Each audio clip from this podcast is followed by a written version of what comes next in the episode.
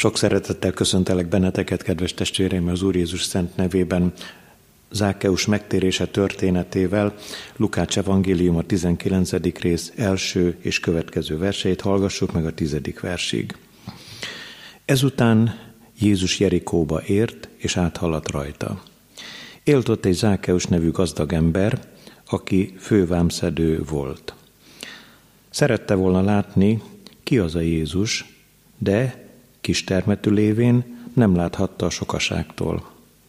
Ezért előre futott és felmászott egy vadfügefára, hogy lássa őt, mert arra kellett elmennie.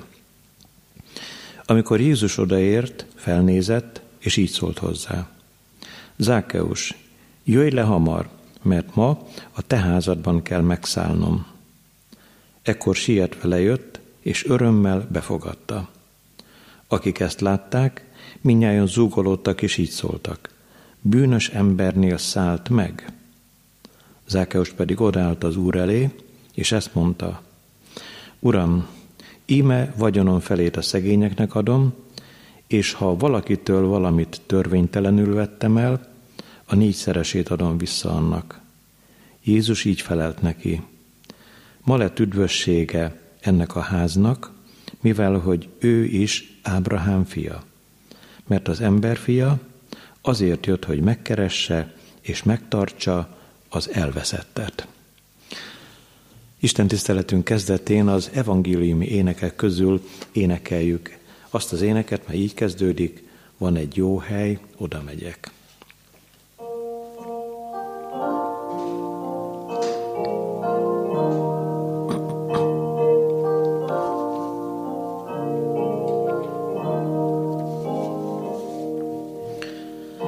Van egy jó hely, oda megyek, lerakom ott a terheket. Ott fenn a hegyen van az a hely, ahol a szív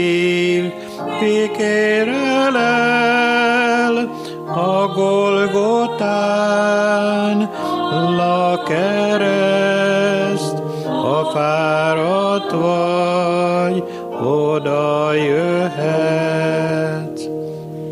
Emberekért ömlött a vér, kegyelmet kap az, aki kér.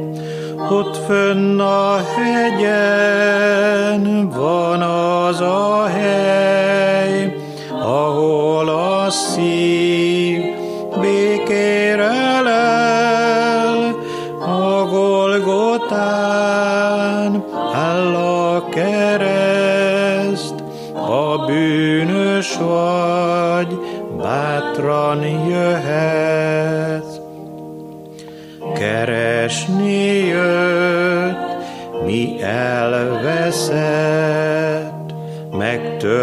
Spirit.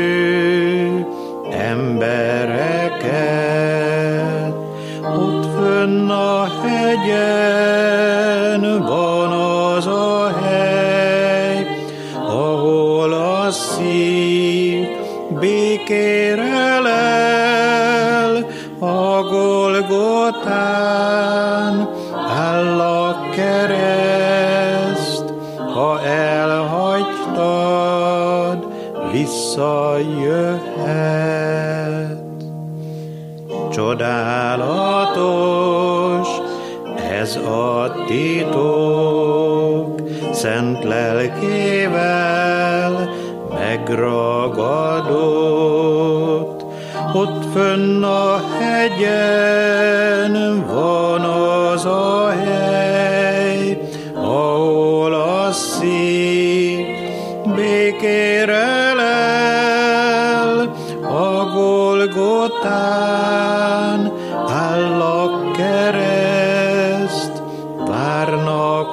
rád, mindig jöhetsz. Azóta tart a kapcsolat, ő vigyáz rá,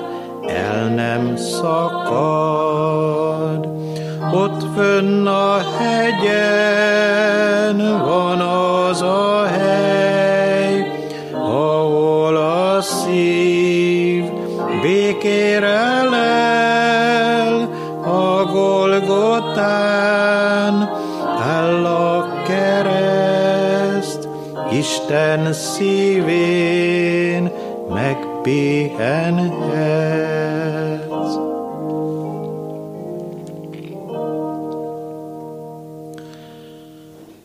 Főénekként énekeljük az énekes könyvünkből a 256. dicséret első, második és harmadik verseit. Irgalmaz Úristen, immáron én nékem.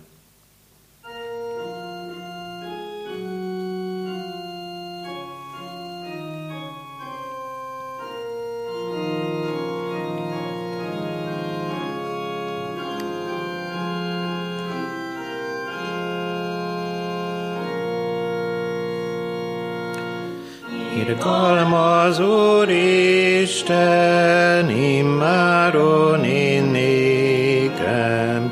Irgalmaz Úristen, immáron én nékem. Mert te benned bízik, Uram, az én lelkem, és te benned nyugszik, Uram, az én szívem. Szárnyad alá vettem az én reménységim, míg elmúlnak tőlem az én ellenségim, és míg eltávoznak tőlem te benned lésznek, Uram, én örömim. Te hozzád kiáltok, hatalmas Úristen, mert nincsen én vélem, ki már jót tehessen. Én ellenségimtől engem megmenthessen, és én dolgaimban ki jóra vihessen.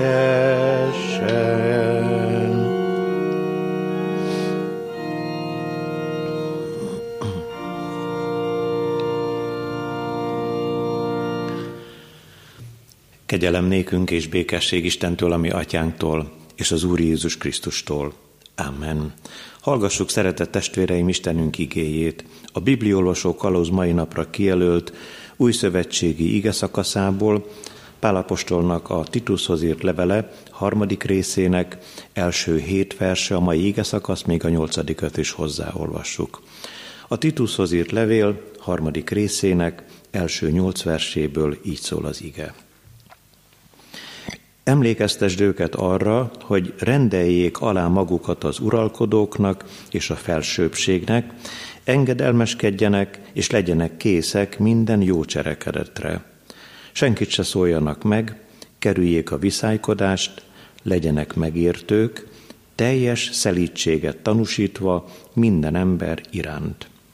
Mert valamikor mi is esztelenek, engedetlenek, téveigők voltunk, különféle kívánságok és élvezetek rabjai, gonoszságban és irítségben élők, egymástól gyűlöltek és egymást gyűlölők.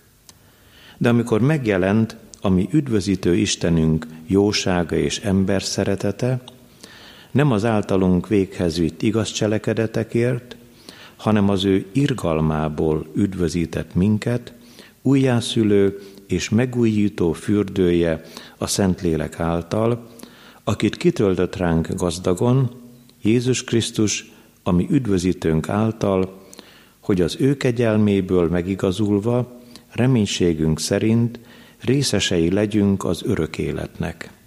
Igaz ez a beszéd, és szeretném, ha szilárdan tanúskodnál ezek mellett, hogy az Istenben hívők igyekezzenek a jó cselekedetekben elöljárni, ezek jók és hasznosak az embereknek. A kegyelemnek Istene tegye megáldottá szent igényének meghallgatását, szívünk befogadását és megtartását. Hajtsuk meg fejünket az Úr előtt. Imádkozzunk. Drága atyánk, örökkévaló Istenünk, szeretnénk most is ebben a pillanatban hatalmasnak, dicsőségesnek, erős Úrnak látni téged. Szeretnénk meggyőzni magunkat és egymást, hogy te nem feledkeztél el rólunk, hogy ahogyan fiad is ígérte, te magad is velünk vagy minden napon a világ végezetéig. Magasztalunk azért, hogy egy gyönyörű földön helyeztél el, még az édenkert után is, és gondod van ránk, és olyan jó, hogy mi hozzá tartozhatunk, benned bízó gyermekeitként élhetünk ezen a földön, várva azt a napot, amikor megjelenik majd a te egyetlen szentfiad az ég felhőjén, és mi ő vele együtt elragadtatunk, és mindörökké vele leszünk. Szeretnénk vigasztalni, bátorítani egymást ezekkel a beszédekkel, mert sokféle csüggedés, félelem, szomorúság költözött be a mi szívünkbe. Hallunk félelmetes gyászokról, hallunk olyan elesett állapotokról is, amikor még van élet, de már alig-alig tudják ellátni az orvosok a szenvedőket. Könyörülj meg rajtuk, könyörülj meg rajtunk is, hogy az imádságban meg ne fáradjunk, hogy újra oda vigyük eléd a megsebzetteket olyan jó, hogy ugyan a te kezed megsebez, de be is kötöz. Áldunk azért, hogy most a te ígét készen van, hogy mélységekből felemeljen, hogy lelki rabságokból szabadulást adjon, hogy a vigasztalásra vágyó szívünket oda vigye a te fiadnak keresztje alá. Hálásak vagyunk az ő áldozatáért, hogy ő mindent megtett azért, hogy mi le nem maradjunk az üdvösségről. És most oda visszük a te színed elé elrontott életünket, bűneinknek sokasságát. Tudjuk, hogy te a bűnt el nem szenvedheted, épp azért szenvedte el a te drága fiad a kereszten, hogy mi nekünk mégis reménységünk és bizakodásunk lehessen hozzád menni, királyi széked előtt megállni ő érte, sok szenvedéséért, áldozatáért.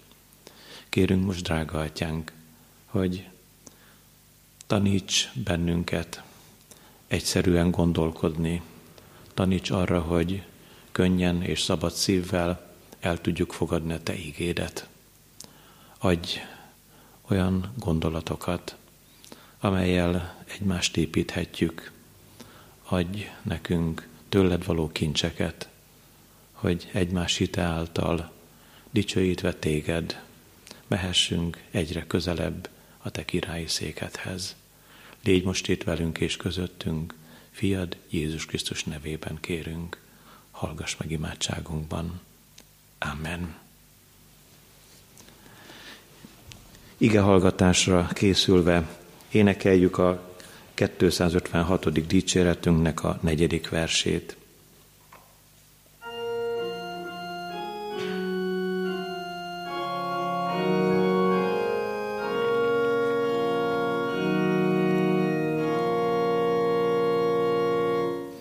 Remény szent atyám, nagy sok jókat tettél, mert én nékem mennyből őrizőt küldöttél. Én ellességimtől engem megmentettél, és az én szívemben örömöt szereztél.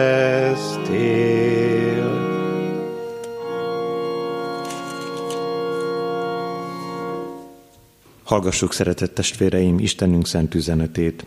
úgy, amint megszólítja szívünket, Titushoz írt levél harmadik részének az ötödik verse.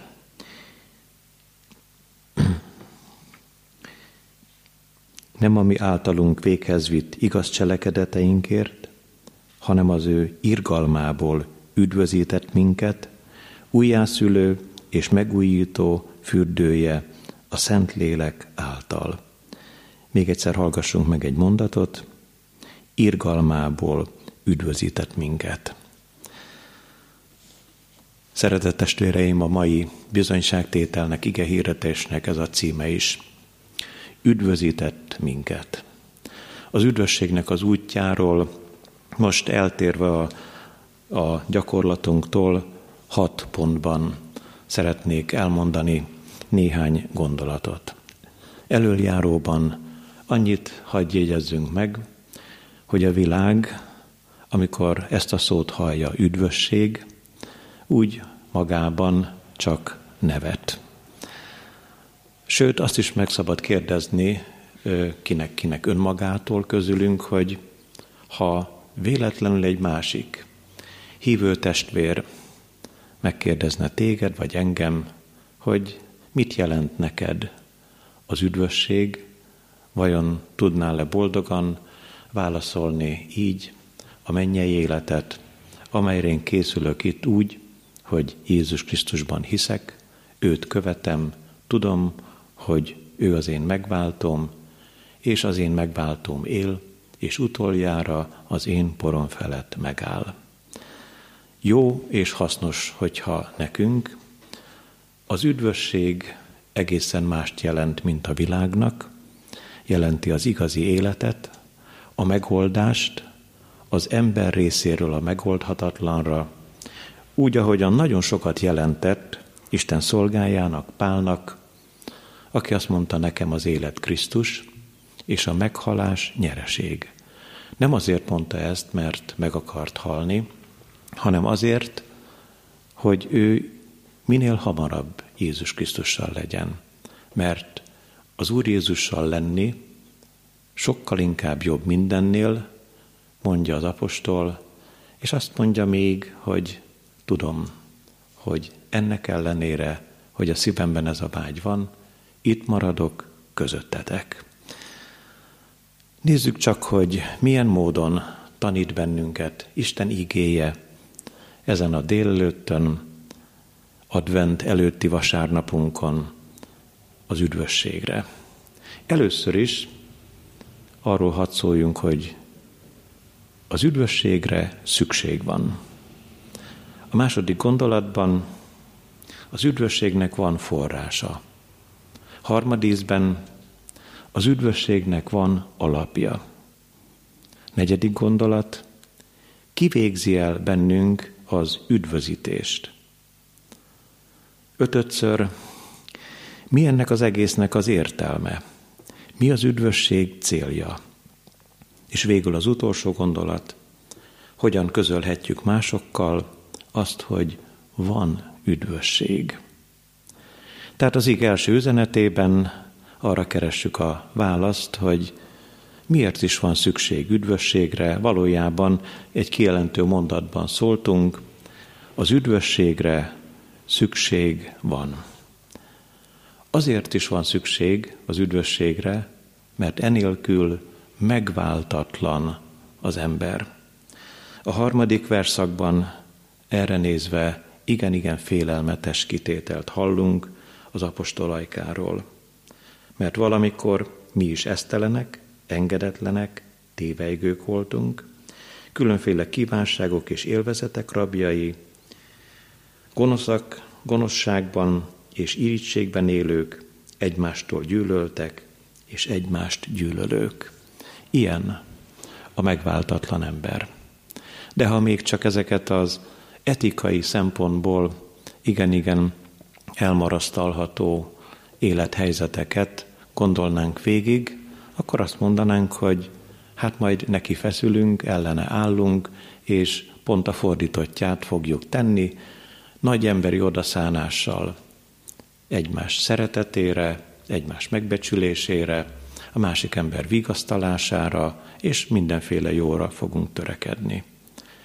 Ugyanakkor azt is meg kell jegyeznünk, hogy mi úgy születünk erre a világra, hogy nincs üdvösségünk automatikusan önmagától.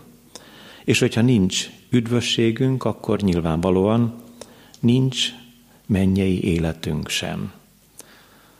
Ellenőrizhetetlen erőknek az áldozataiként élünk itt ezen a földön, amit mutatott ez a harmadik vers, és hogyha ezt úgy alá szeretnénk húzni, akkor igen, ellenőrizhetetlen erők csaponganak a mi világunkban úgy, hogy nem is tudjuk egészen pontosan. Erre az autóbuszra szálljunk é fel, mert koronavírust fogunk kapni. Ebbe az iskolába menjünk ébe, vagy maradjunk inkább otthon. Hol lehetne megtalálni azt a helyet, ahol teljesen védve vagyunk. Ez példa arra nézve, hogy a sátán a maga hatalmas erejével áldozat formájában akar megragadni, elragadni bennünket. Mondhatjuk egészen úgy is, hogy rabok vagyunk. Nem mehetünk végig a harmadik vers minden gondolatán, mert akkor a, hat pontra nem lenne elég időnk, egyet emeljünk csak ki. Irítségben élő emberek vagyunk. Ennek a rabjai. És ezért is olvastam fel előttetek a beköszöntő igét, Zákeus történetét, vajon hogy is volt az ott Jerikóban.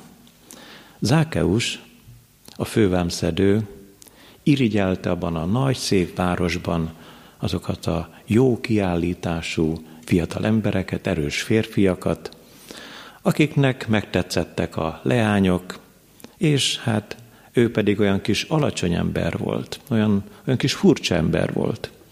Nem tetszett senkinek sem bujkált a városban. Amikor az Úr Jézus közeledett Jerikó felé, akkor is az alacsonysága miatt felmászott az eperfüge fára, hogy valamilyen módon mégis meg tudná látni Jézus Krisztust. De a fordítottja is igaz. A Jerikóban élő, talán éppen az előbb említett nagyszerű férfiak, és mindenki más irigyelte Zákeust, mert ez egy pénzes zsák mert talán azt mondanánk a mai szóval, hogy az önkormányzatnak a pénzek felett rendelkező tisztviselője. Nagyon sok ember függ tőle, és ezért szembe megsüvegelik, tudják, hogy vaj van a fején, és sok minden olyat tesz, ami hát síkos pályát fog elkészíteni az a lába alatt, de azért becsülni kell, mert nagy a pozíciója. Irigységben élők egymástól irigyeltek, egymást, egymásra is irigykedők, úgy írja Isten igéje. És aztán egyszerre csak azt halljuk Isten igéjében, hogy az Úr megjelenik, és üdvözíti Zákeust. Éppen akinek a legnagyobb szüksége van arra, hogy megváltozzon az élete, Zákeusnak a szíve más lesz, vagyonának a felét odaadja a szegényeknek, és akiktől erőszakkal elvett valamennyit, négyszeresét fizeti vissza. Eljött az Úr, és üdvözített minket. Megszabadított a kötelékeinktől, új emberré tett. Ez nem csak Zákeusra igaz. A 21. század férfiaira, asszonyaira, fiataljaira és a gyermekeire egyformán megáll Isten igéje. Az Úr azt akarja, hogy letegyük a mi óemberi életünket, irítségeinket és a többit, és benne új emberré legyünk. A második gondolatban arról hadd szóljunk, hogy az üdvösségnek van forrása. Itt egy kicsit az ellenkező oldalt is meg kellene tekintenünk, hogy megértenénk a lényeget. Sokféle megváltás, elképzelés van a világon. Egyet nézzünk meg közelebbről, illetve egy hozzá hasonlót. A New Age féle tanítás a buddhizmusból merítette az önmegváltás gondolatát.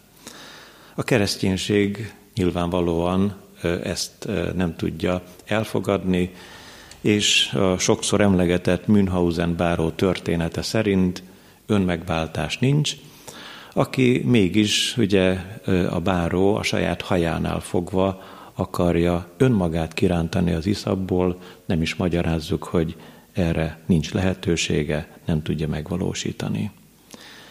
Azután a szilvaféle agykontroll is azt tanítja, hogy a forrás valójában mindenre nézve, az, az, a boldogságra, az üdvösségre nézve is, bennünk van, saját magunkban. Arról beszél mind a kétféle tanítás, hogy nézd magadba. Mélyülj el magadban. Benned van válasz mindenre. Mi magunk vagyunk a forrása mindennek. Hát, Pálapostól egyáltalán nem ezt mondja, hanem nagyon is aláhúzza, hogy hiányzik belőlünk valami, sőt, hiányzik belőlünk valaki. Hiányzik belőlünk az üdvösség. Hiányzik belőlünk az üdvözítő Isten. Nem azért, mert ő nem akarna bennünk élni a szent lelke által, de senkinek az életébe nem tolakodik be, úgy, ahogyan az ellenőrizhetetlen erőkről beszéltünk, nyilván a sátánra gondolunk az első pontban, ő bizony pofátlanul bele tolakodik az életünkbe, kínál mindenféle hazugságot, és el akar vezetni az igaz útról. Az örökkévaló, az ő szent fia által csak kopogtat a szívünk ajtaján. Ima az ajtó előtt állok és zörgetek, ha valaki kinyitja az ajtót, bemegyek ahhoz, és vele vacsorálok, ő pedig én velem. Hát annak hiányában, hogy nincs bennünk az üdvösség, és nincs bennünk az üdvözítő Isten, bizony az ígében le van írva, hogy mi is történik velünk. Gyűlöljük egymást. Hogy is írja itt a harmadik vers a legvégén? Egymástól gyűlöltek, és egymást gyűlölők vagyunk. Tudni kell azt, hogy amikor gyűlöljük a másik embert, egész nyugodtan számítsunk rá, hogy ő is gyűlölni fog bennünket. Különösen is, ha nincs bennünk az üdvösség ajándékozója, a mindenható Isten szeretete és oltalma. Ezért nézzük meg, hogy ki az igazi forrás. Hát az igazi forrás az Isten szeretete. Halljuk is ezt a negyedik versben, de amikor megjelent, ami üdvözítő Istenünk jósága és ember szeretete. Isten szereti az embert, és üdvözíteni akar mindannyiunkat. Az az Isten akarata, hogy minden ember üdvözüljön, és az igazság ismeretébe, ismeretére eljusson. Az üdvösség az Isten szívéből fakad. Nem tőlünk telik ki. Nem tudjuk egymásnak átadni. Ő kezdeményezett. Már ott az éden tragédiájában jön majd, aki a kígyó fejére tapos. Utánunk jött, mert fiát küldte el. Olyan szeretettel küldte. Volt egy ilyen gondolata, a példázat szerint, ami mennyei atyánknak. A fiamat meg fogják becsülni.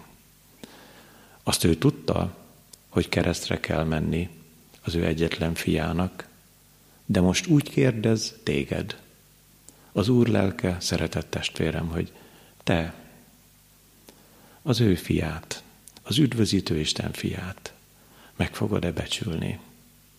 Tudod-e, hogy mit tesz, mit tett érted, mert szeretetével, áldozatával megmentett. És ő ezért is jött. Ő a forrás. Itt a második gondolatban hamar lezárjuk azzal, hogy amikor a forrást próbáljuk megtalálni, annak utána kell járni. Akik ezt a természet világában gyakorolják, azt is tudják, hogy ha a Fekete-tengertől, Romániából visszafele el kellene indulni a Dunán, akkor Németországig kell eljutni. Hogy ott valamiféle kis bugyogó forrásocskára ö, találjon az ember, onnan indul a Duna, majd kiszélesedik, és a tengerben ér véget. Igen, vajon honnan az a sok víz, ami itt Budapesten is keresztül megy, amelyeken már hajók járnak az Isten szeretetéből, mert ő a forrás, és nem az ember. A harmadik gondolatban az üdvösségnek az alapjáról szóljunk. Hát nem mi voltunk, akik valami nagy dolgot tettünk, hanem úgy írja az íge, az ő irgalma. Irgalmából üdvözített minket újjászülő és megújító fürdője Szentlélek által. Irgalmából üdvözített minket. Remélem, hogy nem veszik zokon a testvérek, hogy egy picikét úgy visszatekintünk évszázadok harcaira, és az 1500-as évek, 1400-as évek végére, 1500-as évek elejére gondolunk, amikor már talán mindannyiunk által ismerős az a fájdalmas gondolat, ami akkor elhangzott, ha aranyad a ládikámban cseng, lelked a mennyországban leng. Ezért lett a reformáció, mert pénzért árusították abban az időben az üdvösséget, azaz meg lehet azt vásárolni. Nem kell feltétlenül ítéletet gyakorolnunk kifelé, gyakoroljuk azt befelé. Te vajon nem úgy gondolod-é, szeretett testvérem? Annyi szépet, annyi jót, és annyi nemes dolgot tettél már. Gyülekezeten belül és kívül, családoddal, munkahelyeden levő emberekkel, kollégáiddal, egyáltalán a szomszédaiddal, a családodban, gyermekeiddel, unokáiddal, hogy úgymond, ha nem is mondod ki ezt a szót, de gondolatban megvillan az értelmedben. Ennyi minden után köteles az Isten engem üdvözíteni. Szeretném hirdetni neked, nem köteles mert nem a mi igaz voltunk miatt, hanem az ő irgalma következtében született meg az üdvösség. Az Isten irgalma indította arra őt magát, hogy küldje el ide erre a földre Szent fiát, Jézus Krisztust, és ő az üdvözítő. Ennél a szónál álljunk meg egy picikét, hogy az irgalma indította Istent erre. A mi korosztályunknak, meg egyáltalán a ma nemzedékének, akár fiataloknak vagy idősebbeknek teljesen idegen ez a szó. Mi az, hogy irgalom? Mit jelent az, hogy kegyelem? Ezzel mi nem tudunk mit kezdeni. Az 1950-es években, a Rákosi korszakban sokan a szívükben valamilyen módon vágytak arra, hogy irgalmas és kegyelmes legyen hozzájuk egy-egy nagy hatalomban levő ember. Nemrégiben egy vérbíróval ö, való beszélgetést ö, hallgattam végig, aki azt mondta, hogy már egészen pontosan 1989-90 tájt ö, volt ez a felvétel, úgy szólt, nem emlékszik egész pontosan arra, hogy 8 vagy 12 ember életét vette el olyan értelemben, hogy hozta meg a halálos ítéletet. Egy azonban őt is igen-igen megrendítette. Mégpedig, amikor nem ő hozta a halálos ítéletet, hanem az egyik kollégája egy másik bíró, viszont akadályoztatás következtében neki kellett kimennie, megnézni a, annak a férfinak a kivégzését, akasztásra volt ítélve, és ez egy híres labdarúgó volt. Az a fiatal ember a kezében tartott egy fényképet. És oda ment ehhez a vérbíróhoz, és azt mondja, nézze meg a családomat. Itt vannak a gyermekeim ezen a képen, írgalmazzon nekem. Könyörüljön meg rajtam.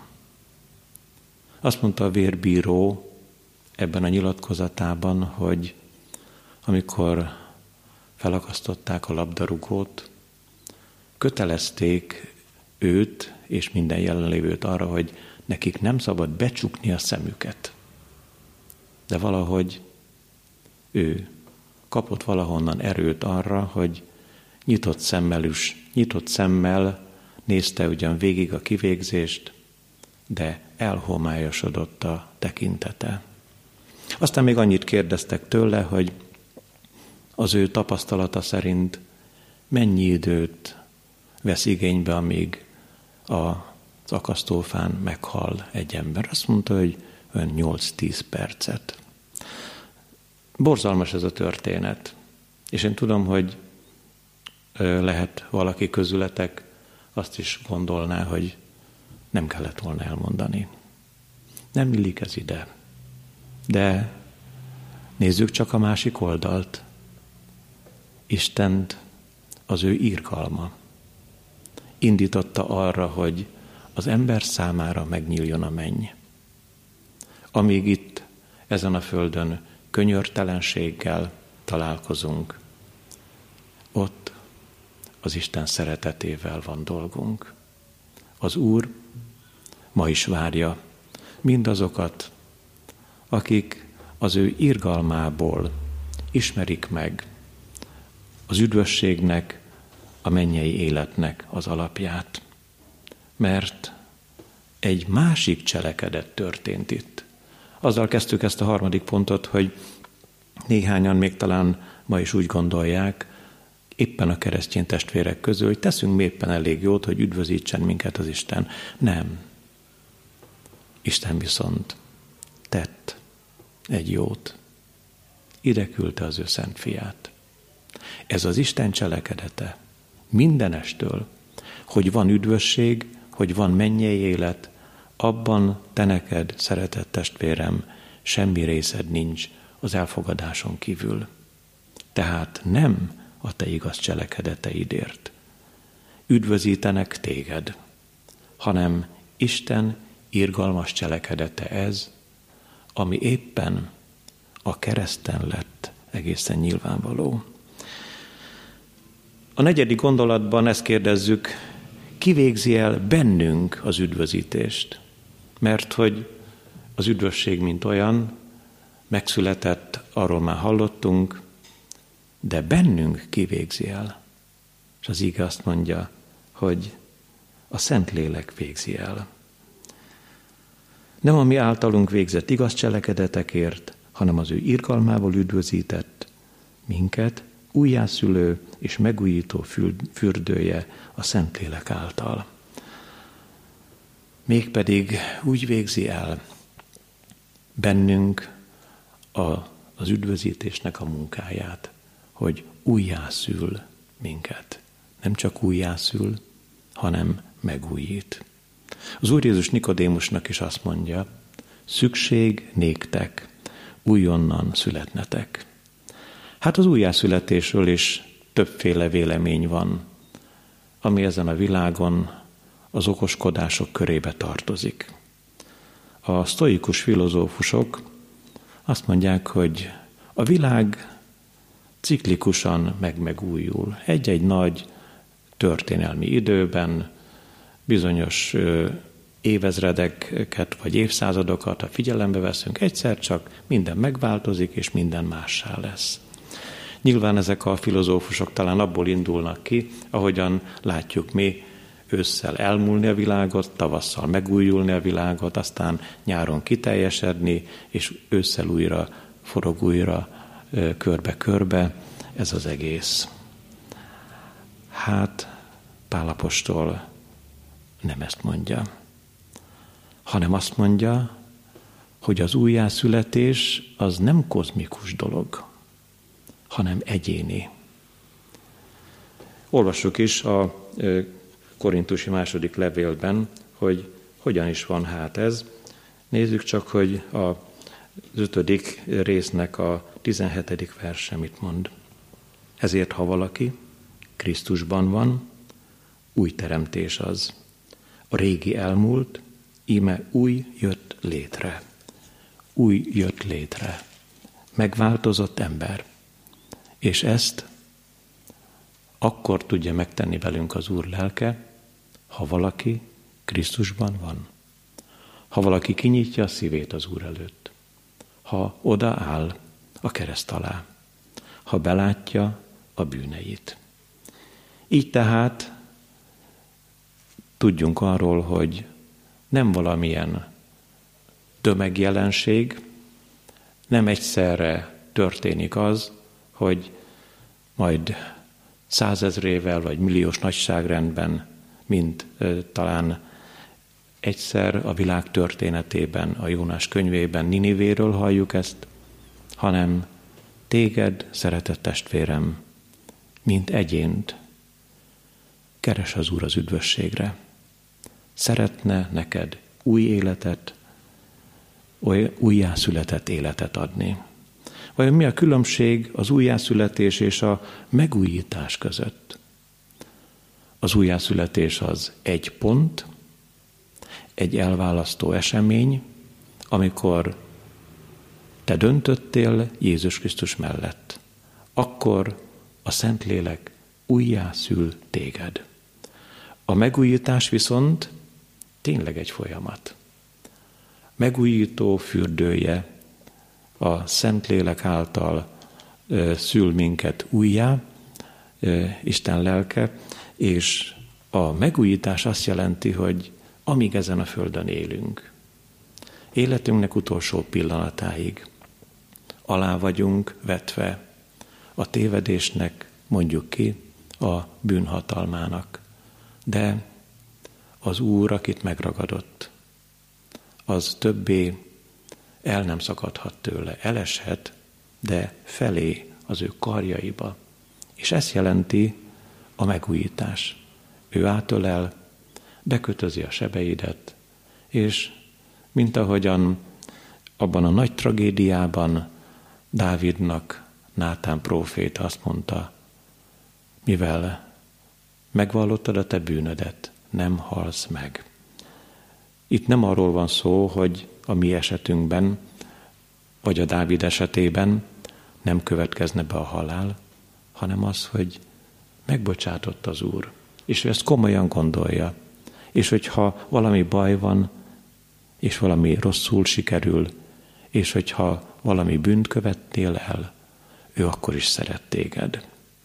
Az igében a hetedik versben találunk még egy nehéz kifejezést, amit tisztáznunk kell, a megigazulás vagy megigazítás fogalmát.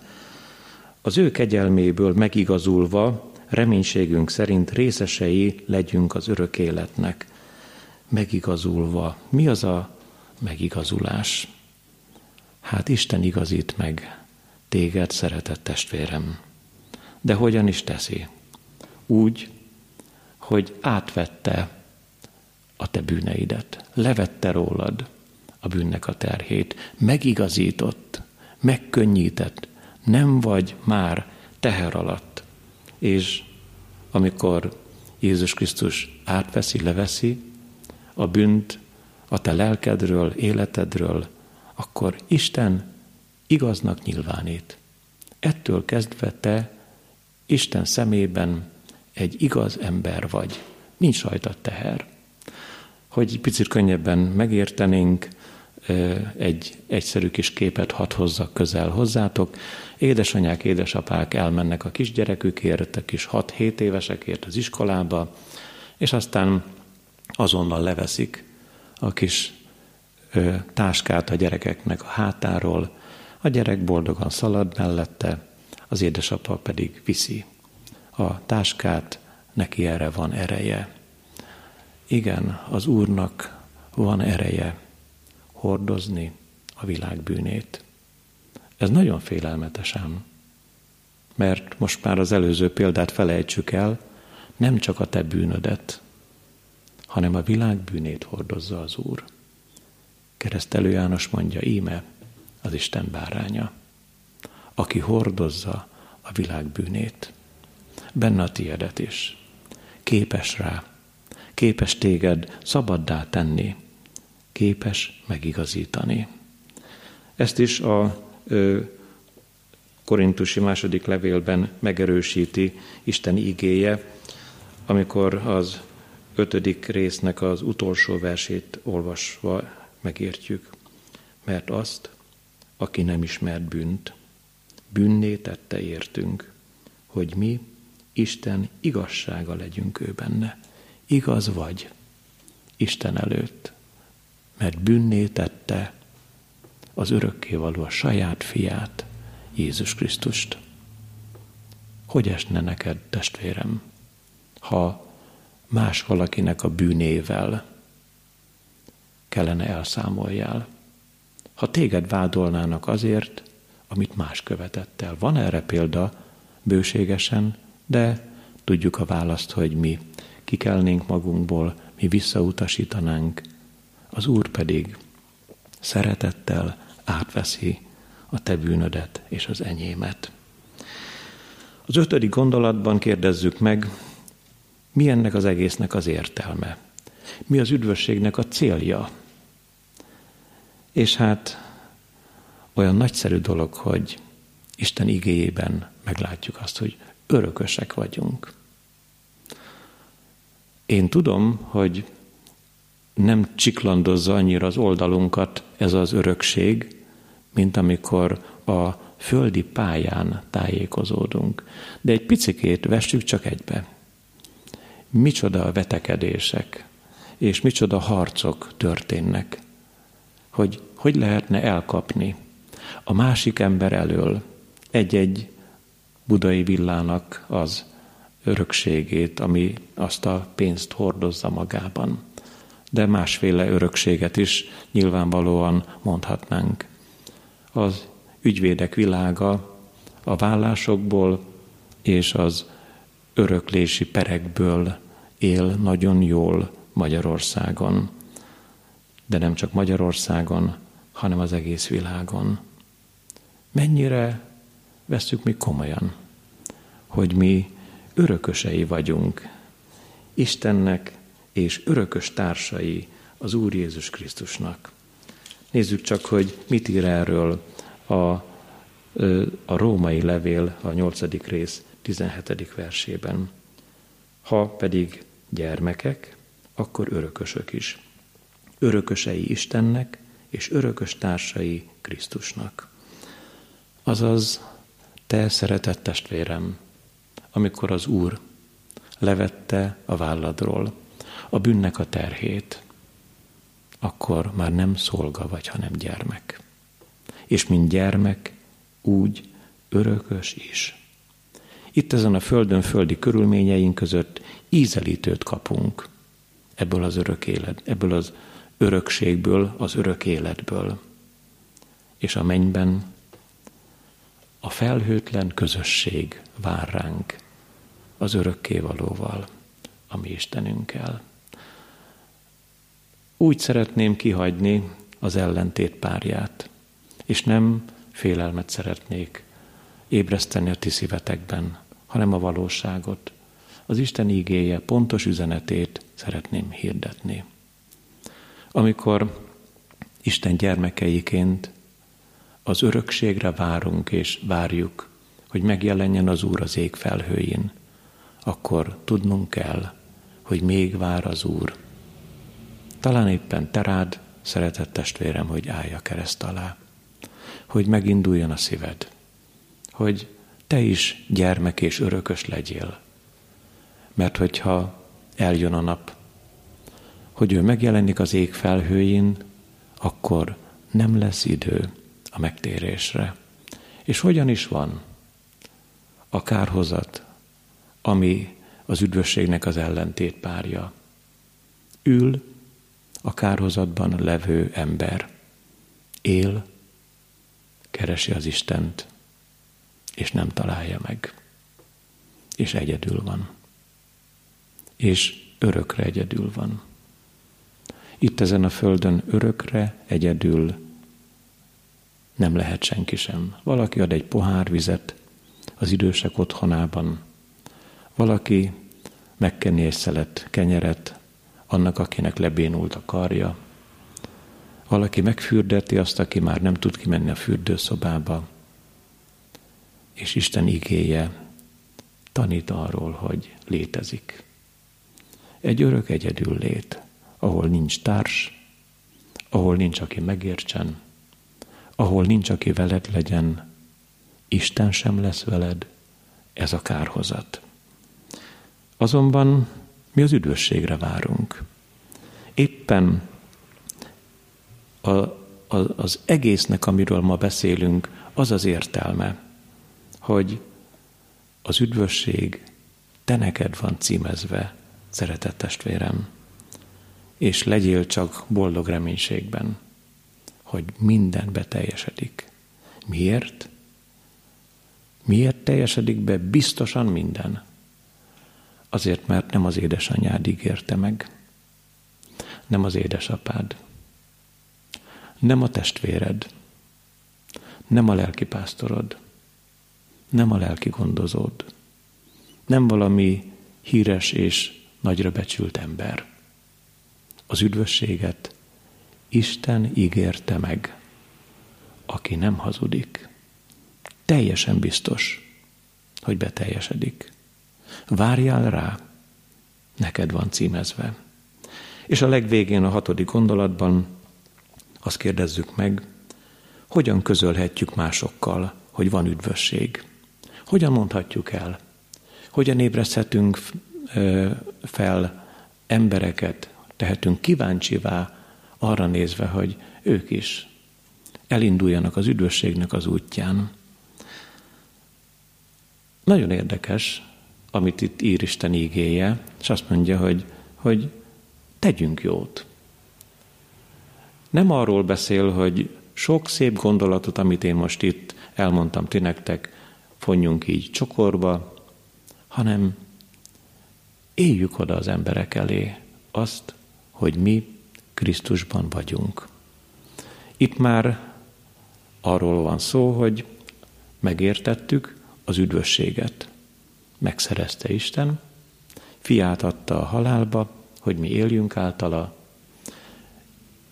Közülünk sokan megragadtátok, és hiszem azt, hogy még sokan meg fogják ragadni az üdvösségnek az útját. De akik hitben vannak, azok tegyenek jót, Miért is? Hogyan hallottuk ezt a Titus levélben? Igaz ez a beszéd, és szeretném, ha szilárdan tanúskodnál ezek mellett, hogy az Istenben hívők igyekezzenek a jó cselekedetekben előjárni, ezek jók és hasznosak az embereknek. Milyen szépen össze lehet rakni.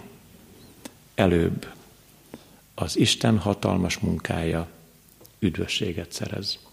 Azután te, szeretett testvérem, ezt nem is szavakkal, hanem egy, egy kézfogással, egy kedves mosolyjal, egy segítő szeretettel átadhatod, továbbadhatod az embereknek.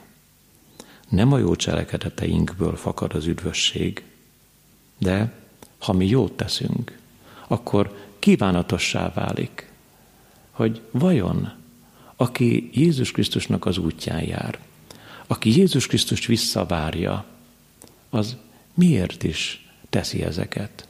Azért, hogy aki még nincsen ott, ő is ott legyen, és találkozzunk a mennyei világban, hogy ahol Isten lesz minden mindenekben, mi is ott legyünk, és meglátjuk, megláthatjuk az ő arcát.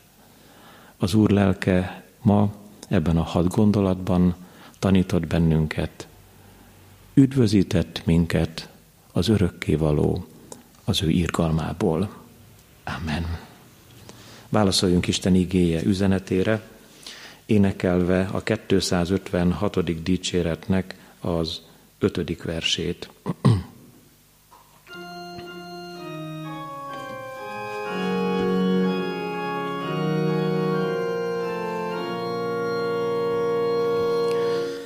Azért téged, Uram, én felmagasztallak, te dicsőségedben hatalmasnak mondlak, minden világ előtt irgalmasnak vallak, és jó akaromnak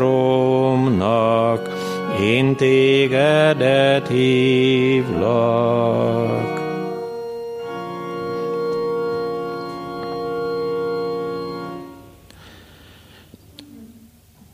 Drága atyánk, örökkévaló Szent Istenünk, tudjuk, hogy a te ellenséged a sátán, mint ordító oroszlán szerte jár, hogy kit-kit elnyeljen.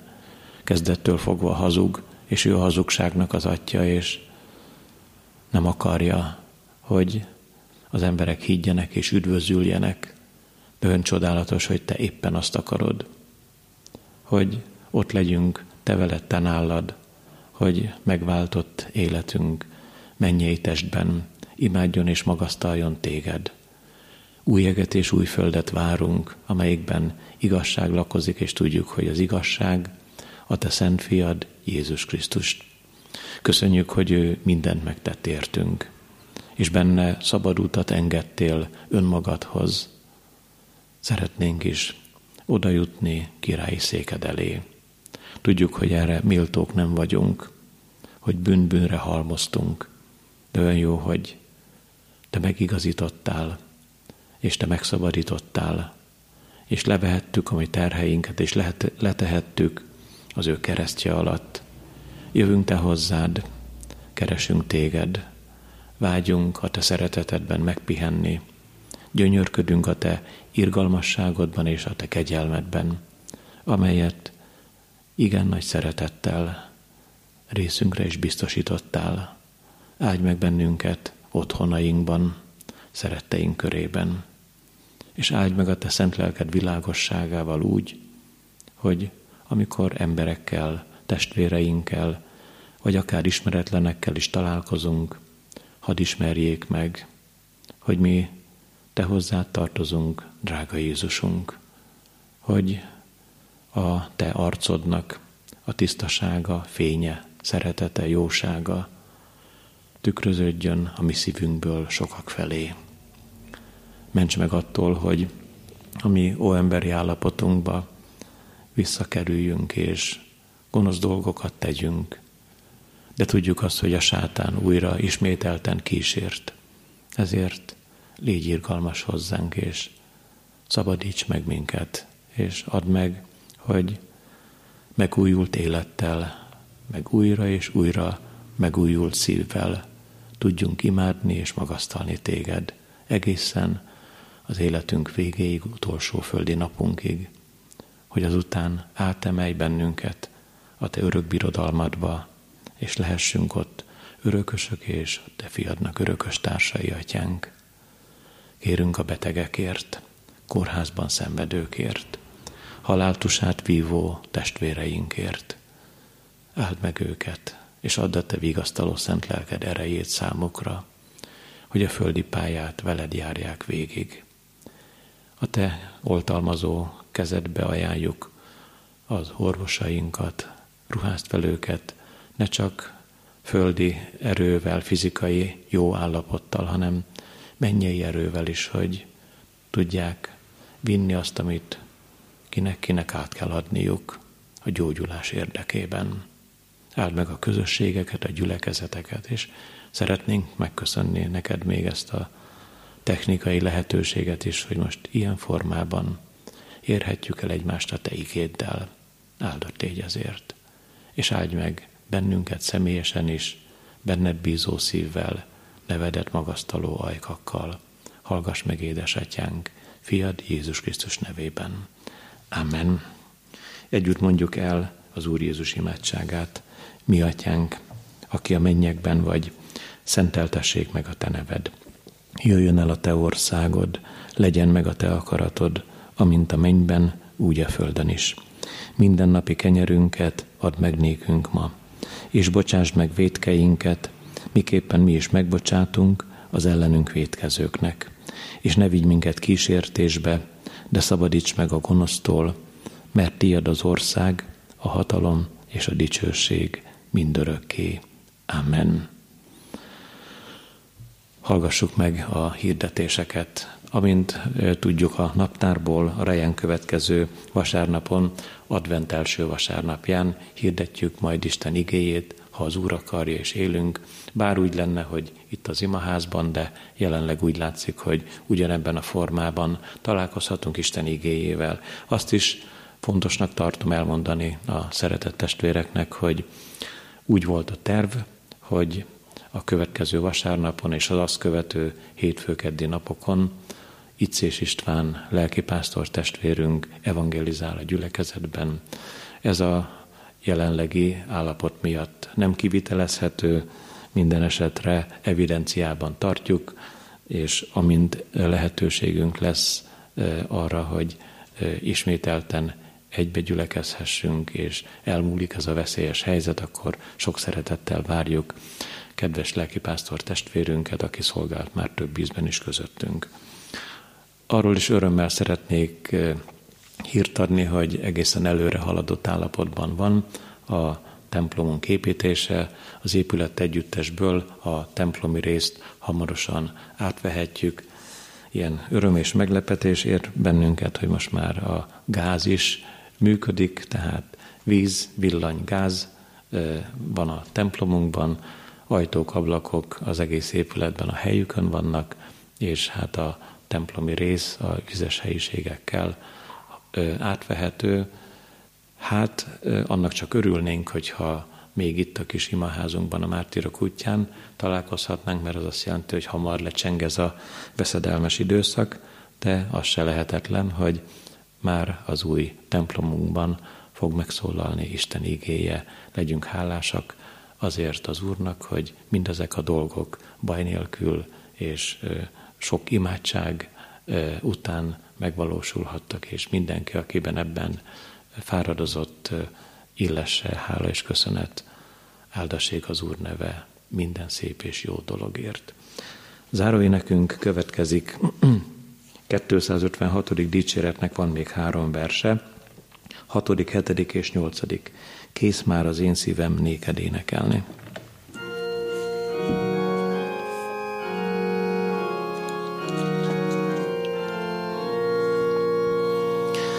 Kész már az én szívem néked énekelni, Kész most jó voltodért nagy hálákat adni, és mindenek előtt téged megvallani, a te szent nevedet örökké dicsérni. Kelj fel azért mostan, én nagy dicsőségem, légy mindenben nékem, kedves segítségem, erőtlenségemben légy erősségem, és veszedelmemben légy oltalmam nékem. Én felmagasztalom irgalmasságodat, minden koron vallom te igazságodat, mindez egész földön hatalmasságodat, mindenkor hirdetem a te jó voltodat.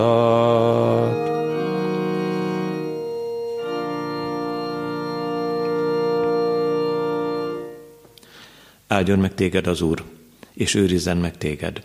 Ragyogtassa rád, orcáját az Úr, és könyörüljön rajtad.